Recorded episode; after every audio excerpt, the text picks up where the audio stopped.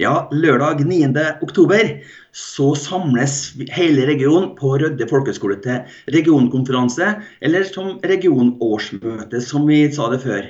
Tenk, vi har vært nedstengt i mange måneder nå, ett og et halvt år. Og vi har hatt våre begrensninger på å samles, men nå kan vi samles uten begrensninger og være sammen og glede oss i Herren. Og så har dere laget et, tema for dette, denne regionkonferansen i eh, Misjonssambandet denne gangen. Det er nåde. Hvorfor det temaet? Jo, fordi at hele grunnlaget i, i kristendommen er jo nåde. Jesus som kom til oss. La til grunne dødd og sto opp og vant seier. Og skal vi få lov til å høre han til, være kristne av nåde. Det er gratis, det er en gave til oss. Og vi ønsker å liksom få formidla det ut.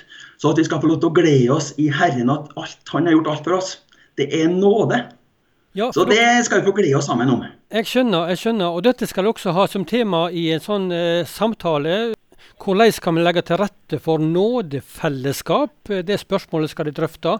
Hva tenker dere eller du om nådefellesskap? Hva er det? Ja, altså Temaet vi tenkte å ha under denne ordlyden. Hvordan kan vi legge til rette for nådefellesskap som fungerer i vår hverdag? Men det har litt med at vi, vi, tenker at nåde kan bli en teori. Og så er det mange som opplever at kristendommen det blir jo krav med retningslinjer, begrensninger og rett og galt. Og så må vi liksom passe inn, da.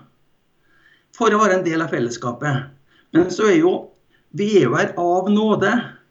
Og da skal vi få lov til å komme og være sammen som tilgitte syndere og leve sammen i vår forskjellighet med våre forskjellige utfordringer i nåden. Så at vi får lov til å hjelpe hverandre til å leve som tilgitte syndere.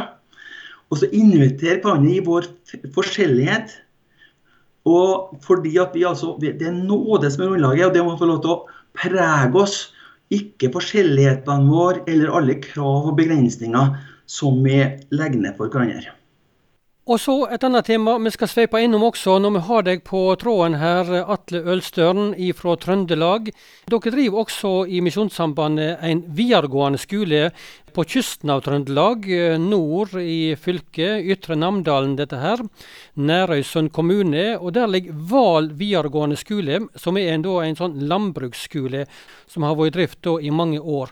Der ble det starta en barne- og ungdomsskole nå for et par år siden, i 2019. Og denne skolen den skal faktisk innvie et helt nytt bygg nå i oktober? Ja, da blir det stor innvielsesfest med elever og familier som er der. De har jo uh, helt til i, i et gammelt hus, i et hovedhuset, som det gamle hovedhuset på Hval, og har behov for nye bygninger. Og Da har de med egne ingeniører, egne folk, bygd et helt ny, splitter ny skole. En tjenlig skole, en fantastisk bygg. Så det skal bli fint å få lov til å være med sammen med Val, og på innvielsesfesten sammen med ledere i skoleavdelinga i NLM. Du, Val barne- og ungdomsskole ligger altså i tilknytning til Val videregående skole, som har vært i drift i mange år. Et par ord om dette anlegget på Val, denne videregående skolen. For det er en skole litt sånn utenom det vanlige? Det er jo en eh, fantastisk spennende skoleball. Som egentlig har en lang historie. Som har eh, vanlig jordbruk, har for gris, har for hest, og har satsing på havbruk. Og er egentlig en drivende og nyskapende skole i forhold til havbruk.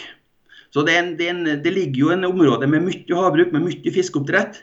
Og midt oppi der får vi være med å forme framtidige generasjoner til å jobbe i havbruk.